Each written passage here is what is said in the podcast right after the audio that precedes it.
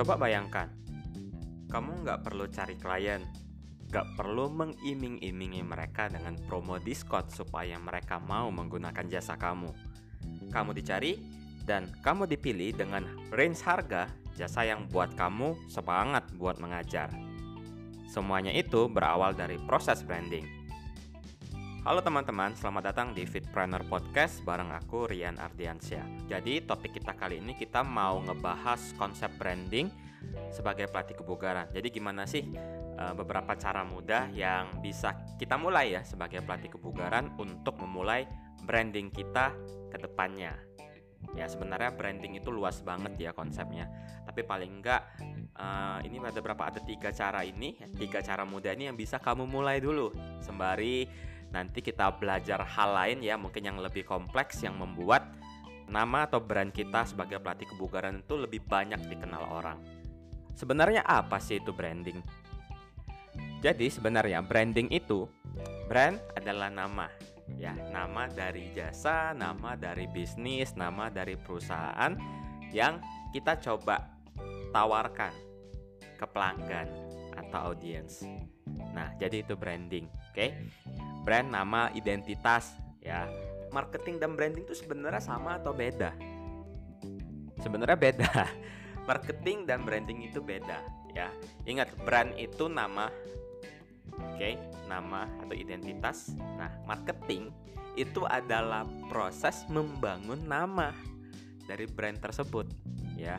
Jadi branding itu lebih ke bagaimana sih ketika orang ya ngedengerin brand kamu itu gimana asumsi mereka ya persepsi mereka gimana?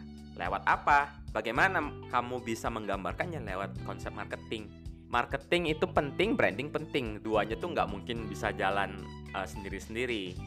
Tapi untuk kali ini kita mau uh, bahas di sisi brandingnya dulu ya dan sebenarnya ini juga masih masuk ranahnya marketing juga sih. Jadi ya ya udah sama aja lah ya. Intinya kita mau belajar hari ini langkah-langkah mudanya dulu.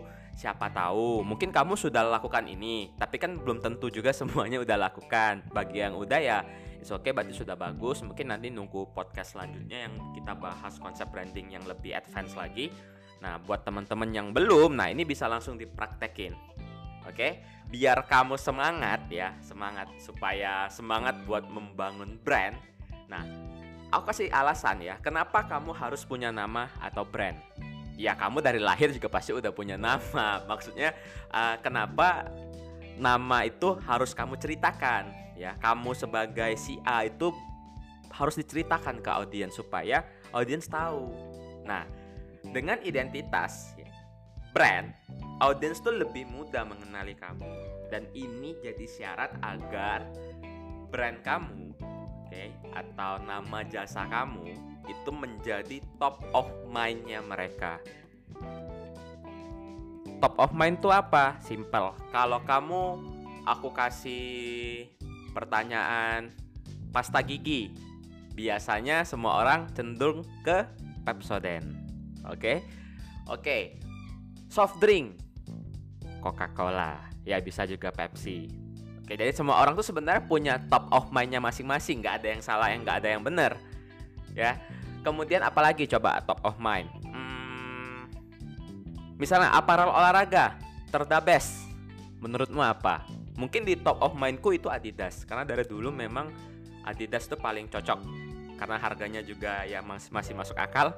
Kalau naik kan mehong. Ya kalau Adidas tuh masih oke okay lah secara bahan enak, desain oke, okay, harganya juga masih oke. Okay. Nah, itu versiku. Nah, versi orang lain, top of mind-nya mungkin beda. Nah, di sini uh, brand atau nama itu yang harus kamu bangun supaya kelebihan-kelebihan kamu ya, keunikan-keunikan kamu itu nancep di otak mereka. Ya, otak lagi kasar banget. Uh, nancep di pikiran mereka. Oke, jangan kasar-kasar dong. Nah, kalau udah nancep enak banget. Kalau misalnya mereka butuh personal trainer.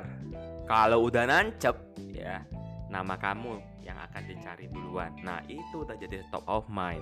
Katu mungkin nggak selalu butuh personal trainer ya namanya orang olahraga kadang on off itu wajar mungkin ketika off ya kamu dilupakan mungkin tapi ketika mereka ada niatan ingin olahraga kembali pastikan nama kamu jadi top of mind mereka akhirnya kamu yang dicari itulah penting ya kemudian itu menjadi uh, brand itu bisa jadi diferensiasi ya pembeda antara kamu dengan rekan pelaku kebugaran lain uh, kenapa ya harus beda sebenarnya simple ketika beda, kita itu bakal lebih mudah ditemukan sebenarnya. Ketika semua orang sama, kayak di lautan manusia semua rambutnya hitam, kalau dilihat dari atas kan semuanya hitam. Tapi kalau ada aja satu yang warnanya putih sendirian, itu bakal lebih mudah dikenali oleh audiens. Terlepas apakah dipilih atau tidak itu nanti. Ya, apakah value pembedanya itu menjadi nilai tambah yang bisa uh, audiens pilih ya itu bakal jadi kelebihan. Tapi kalau misalnya beda dalam konotasi negatif ya justru makin dijauhi dong. Makin nggak dipakai jasanya. Jadi pastikan ketika kamu brand kamu itu punya nilai ya, punya pembeda istilahnya nilai diferensiasi yang positif. Ya simpelnya gini deh. Kayak semua orang PT, ya semua orang PT tau lah ya PT. Ya PT ya begitu, ada satu pelatih, satu orang satu orang klien misal. Nah, kamu bisa kembangin konsep PT couple, khusus couple. Misal untuk suami istri atau yang pacaran atau yang ingin berniat menikah. Nah, kamu memang brand kayak nge-branding image kamu sebagai pelatih yang dikhususkan untuk bridal misalnya. Bisa, bisa banget dan menurutku itu uh, sangat menjanjikan nantinya karena kan orang ketika ingin menikah kan pasti ingin tampil perfect. Nah, itu mungkin bisa jadi ide buat kamu agar beda ya, beda sebagai PT umumnya dengan PT yang punya value lebih. Nah, itu lagi-lagi di brand. Kemudian kalau kamu mau scale up, brand itu penting banget. Kita mau nantinya ke depan ya sebagai personal trainer tuh ya makmur semakmur makmurnya. Mungkin sekarang kita income 5 10 juta mungkin. Mungkin mau nggak sih kita tuh ke depannya sampai 20 30 ratusan bahkan miliaran mungkin? Nah itu semuanya pasti berawal dari brand. Kenapa? Begini. Mungkin sam mungkin sekarang kamu masih bekerja sendirian ya self employee ya kebayang nggak sih nantinya kamu kepengen punya tim yang besar? Oke okay, yang mana uh, ngebantu kamu nggak ngelatih secara barbar lagi? Latih latih latih tipes. Ingat kita punya punya ini ya punya istilahnya punya keterbatasan. Mau berapa orang mau berapa orang yang mau kamu latih? Seberapa sanggup kamu? 20 orang PT sanggup. Latih latih latih tipes lagi. Jangan lupa asuransi itulah kenapa kalau kamu mau scale up ngebangun yang lebih besar brand itu penting ya. Karena misal kalau kamu sudah bener-bener brand kamu sudah kuat kamu sudah istilahnya dipercayalah oleh publik wah si A ini bener-bener bagus banget kalau ngajar kan. By the way dia ada tim loh dan aku percaya sama timnya karena itu di bawah naungannya si A. Nah brand kamu itu bakal ngecover tim kamu ya. Ngecover secara besar jadi tim kamu nggak mesti mulai dari awal lagi untuk untuk membuat orang lain yakin menggunakan jasa kebugaran kamu atau jasa kebugaran dari tim kamu. Kamu sudah istilahnya kamu sudah bagus tapi brandnya nggak cukup oke. Okay. Tim kamu kamu hire tim, tim kamu mulai lagi tapi nggak dibawa brand kamu ya orang nggak akan percaya. Ya, simple deh misal uh, tukang pangkas rambut deh misal ya pangkas rambut contoh apa ya mungkin Joni Andrean masih ada nggak sih Joni Andrean Nah, Joni Andrean, orang datang ke Joni Andrean ya, itu sebenarnya mau ke Joni Andrean, bukan ke mas-mas yang cukur, kecuali sudah kenal.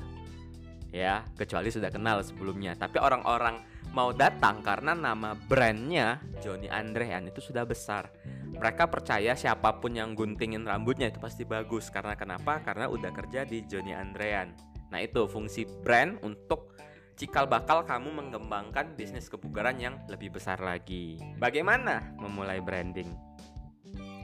Di sini aku mau titik beratkan brandingnya untuk pelatih kebugaran ya sekali lagi. Jadi kalau kamu sebagai pelatih kebugaran pastikan kamu lakukan ini agar brand ya atau nama kamu yang kamu ingin ceritakan ke audiens itu makin makin oke okay lah makin dikenal makin mudah dipercaya orang lain cara mudah pertama yang bisa kamu lakukan sekarang pilih foto profile yang menggambarkan kamu sebagai pelatih kebugaran atau sosok yang ingin kamu bangun.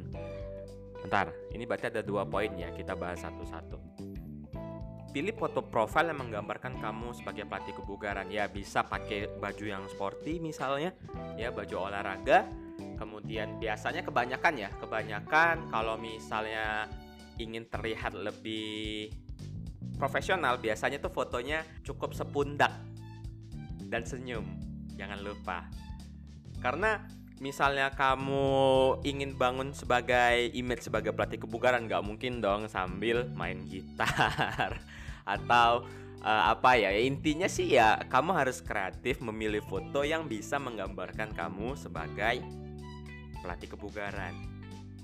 Emang apa ngaruhnya sih cuman foto profile? Lagian juga misalnya nggak bisa di zoom kayak di Instagram kan nggak bisa di zoom tuh fotonya.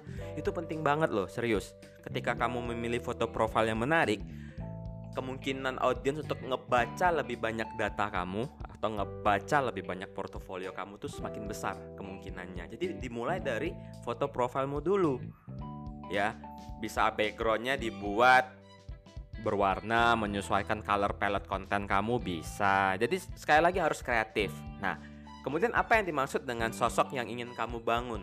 Oke, kamu sudah bang, kamu sudah pilih foto sebagai pelatih kebugaran sudah oke. Nah, sosok seperti pelatih kebugaran apa yang ingin kamu gambarkan ke audiens?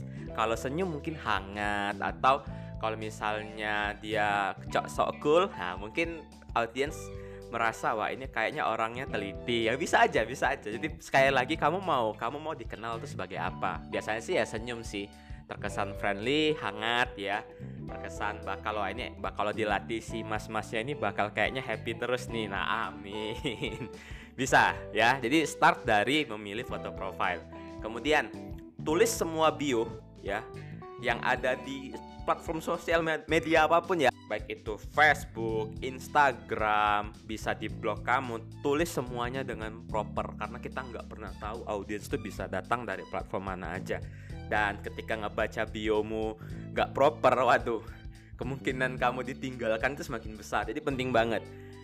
Jadi contoh ya, misalnya di Instagram kan bio itu di bawah di bawah foto profile, di mana ketika orang tertarik ngebuka profile kamu, dia pasti kan lihat foto profilnya dulu. Kemudian biasanya dia akan lari ke bio. Nah itu penting. Itulah kenapa pro profile dan bio itu harus kamu atur dulu sedemikian rupa supaya menarik dan meyakinkan.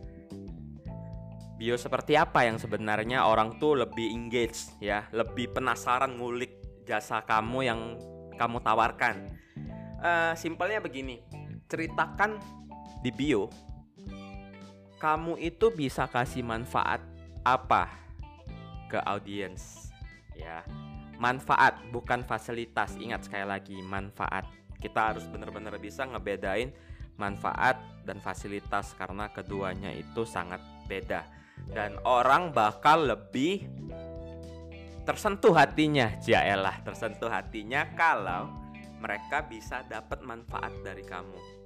Contoh, apa ya manfaat yang bisa kamu kasih? Fat loss program? Kuras lemak mudah? Wah, kayak kayak agent obat diet ya. Tapi ya sekali lagi itu memang work banget. Ya, memang ngaruh banget konsep kayak itu. Ketua kenapa uh, kebanyakan ya agent obat diet itu bakal lebih menarik simpati orang lain karena mereka tuh sudah bener-bener bisa menulis manfaat ketimbang kebanyakan teman-teman pelatih kebugaran lain yang masih terfokus sama fasilitas. Jadi jangan jangan salahkan audiens kalau misalnya mereka lebih tertarik sama obat diet karena ya memang campaign dari uh, iklan dari apa pun yang ditulis itu memang sangat menarik. Ya, jadi sekali lagi jangan salahkan audiens. Memang kita yang sebagai pelatih kebugaran mungkin masih terfokus pada fasilitas. Jadi buatlah ya uh, bio semenarik mungkin bisa tuliskan background kamu, misal sertifikasi apa aja yang sudah dicapai uh, bisa atau kamu bisa ya porto misalnya portofolio kamu kamu sudah buat gym di mana aja misal kalau misalnya ada dua dua gym tiga gym atau project-project lainnya bisa kamu tulis di situ intinya tulis manfaat dan yang menurut kamu ya menurut kamu audiens itu bakal lebih menaruh trust yang besar? Bangun portofolio lewat konten. Nah ini sudah sering banget aku kulik ya sering juga diangkat. Jadi konten itu penting untuk untuk kita bangun ya perlahan. Konten apa pun itu bisa konten edukasi buat pakai Canva atau ngomong langsung depan kamera bisa konten waktu lagi ngajar boleh. Konten edukasi gerakan kayak misalnya Coach Isan yang konsep bedah movement nah itu boleh. Ya atau tips trik yang bisa audiens pakai supaya uh, mereka diet dietnya itu lebih lebih enak lebih ya bisa buat mereka lebih berhasil boleh. Intinya konten apa pun yang memberikan manfaat untuk orang lain. Sekali lagi manfaat.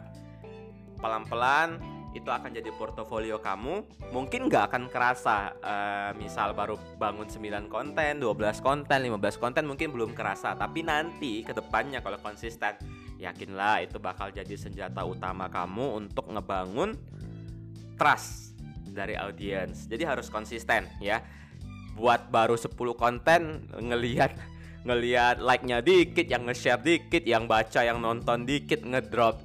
Tenang anda tidak sendirian karena saya juga sudah mengalami dan saya yakin juga teman-teman lain yang aktif konten dulu pasti juga sama. Kayak contoh siapa ya Coach Bayu, Coach Regina itu kan cukup ini ya, cukup uh, aktif lah dari dulu dan aku memang dari dulu ngikutin konten mereka. Ya kalau misalnya kalian belum tahu follow dulu lah Coach Bayu ya, Bayu Aji Fit dan Coach Regina, Coach Coach Regina, silakan follow. Nah mereka tuh menurutku contoh nyata lewat konten itu mereka lebih banyak bisa dikenal orang dan itu merupakan cikal bakal yang bagus untuk karir mereka ya. Termasuk kamu juga nantinya aku yakin kamu bakal setelah dengerin podcast ini ya ya pelan-pelan lah mulai nggak akan bisa langsung keren lah kontennya. Kecuali memang kamu kreatif banget orangnya yang memang udah bisa editing dan segala macam mungkin langsung keren. Tapi nggak bukan masalah kerennya tapi kita mau konsisten dulu ya kebiasaan buat kontennya jadi kebiasaan dulu kebiasaan body content jadi kebiasaan dulu. Gimana nih muter-muter? Ya udahlah intinya itu ya. Intinya itu. Uh, mulai aja dulu. Nah kesalahan branding yang sering terjadi oleh pelaku industri kebugaran itu kalau aku lihat ya itu ada empat. Ada empat kesalahan yang umumnya terjadi. Dan yang pertama ini yang paling banyak yaitu under branding jadi under branding itu keadaan di mana sebenarnya uh, kamu itu bagus banget memang mengerti konsep biomekanika gerakan, paham konsep dasar gizi, itu bener-bener semuanya tuh oke. Okay. Kalau aku bilang tuh uh, personal trainer garis lurus. Tapi nggak banyak orang tahu, terutama mungkin kalau misalnya dia mengajar secara offline ya, di tempatnya mengajar nggak banyak yang tahu kalau dia punya kemampuan itu. Itulah nama itulah kenapa disebut under branding. Itu sayang banget sih sebenarnya. Solusinya ya ya mulai branding. Nggak ada solusi lain. Mulai branding dari sekarang. Nah kemudian ada juga namanya over branding. Nah ini secara branding dia bagus. Terlihat bener-bener punya kapabilitas bener-bener pinter kelihatannya. Tapi aslinya enggak ya. Nah, ini sebenarnya ada bagusnya sih. Secara branding dia kuat, ya solusinya ya dikejar, belajar lagi supaya jangan sampai ketika memang ada kondisi di mana klien bertanya dan kamu nggak bisa jawab itu jangan sampai, sampai jangan sampai kejadian. Ya, ya bukan berarti kita harus tahu semuanya ya. Itu wajar ketika pelatih kebugaran tuh ada poin-poin yang mungkin nggak tahu. Ya akui saja memang nggak tahu. Tapi over branding ini dikhawatirkan orang tuh ngecap kita tuh mengada-ngada. Nah itu yang bahaya ya jadi kalau misalnya memang brandingnya sudah bagus tapi secara knowledge-nya belum oke okay, ya kejar. Ya ikut workshop kayak belajar dari YouTube dan segala macamnya silahkan dikejar. Masih ada kesempatan tenang. Nah kemudian ada juga konsepnya confuse branding atau brandingnya gak jelas. Nanti mungkin bisa ngebahas tentang apa ya? Tentang Korea. Atau kadang juga apa ya? Ngebahas hmm, golf. Eh golf masih masih masih di inilah ya masih di sport ya. Mungkin ngebahas uh, zodiak. Jadi nggak jelas brandingnya. Ini maunya arahnya ke mana nih? Audiens juga nggak tahu. Dia ini sebenarnya bener-bener pelatih kebugaran atau apa sih? Karena ya dari brandingnya itu nggak jelas.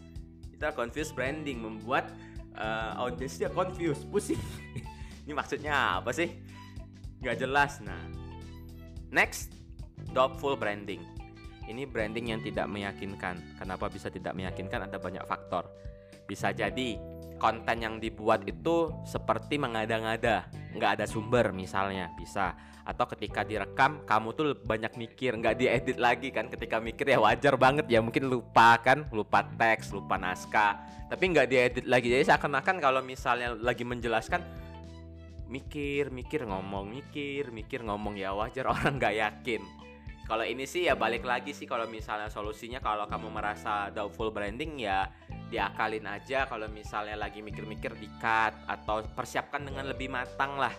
Atau juga kadang doubtful branding ini ngaruh ke body image. Misal kayak pelatih kebugaran yang terkesan nggak atletis seakan-akan tidak meyakinkan. Ya itu nggak bisa dipungkiri ya memang memang istilahnya memberikan image ke audiens. Ya sekali lagi solusinya ya perbaiki buat mereka lebih yakin. Apa yang mereka ragu dari yang kita jelaskan perbaiki.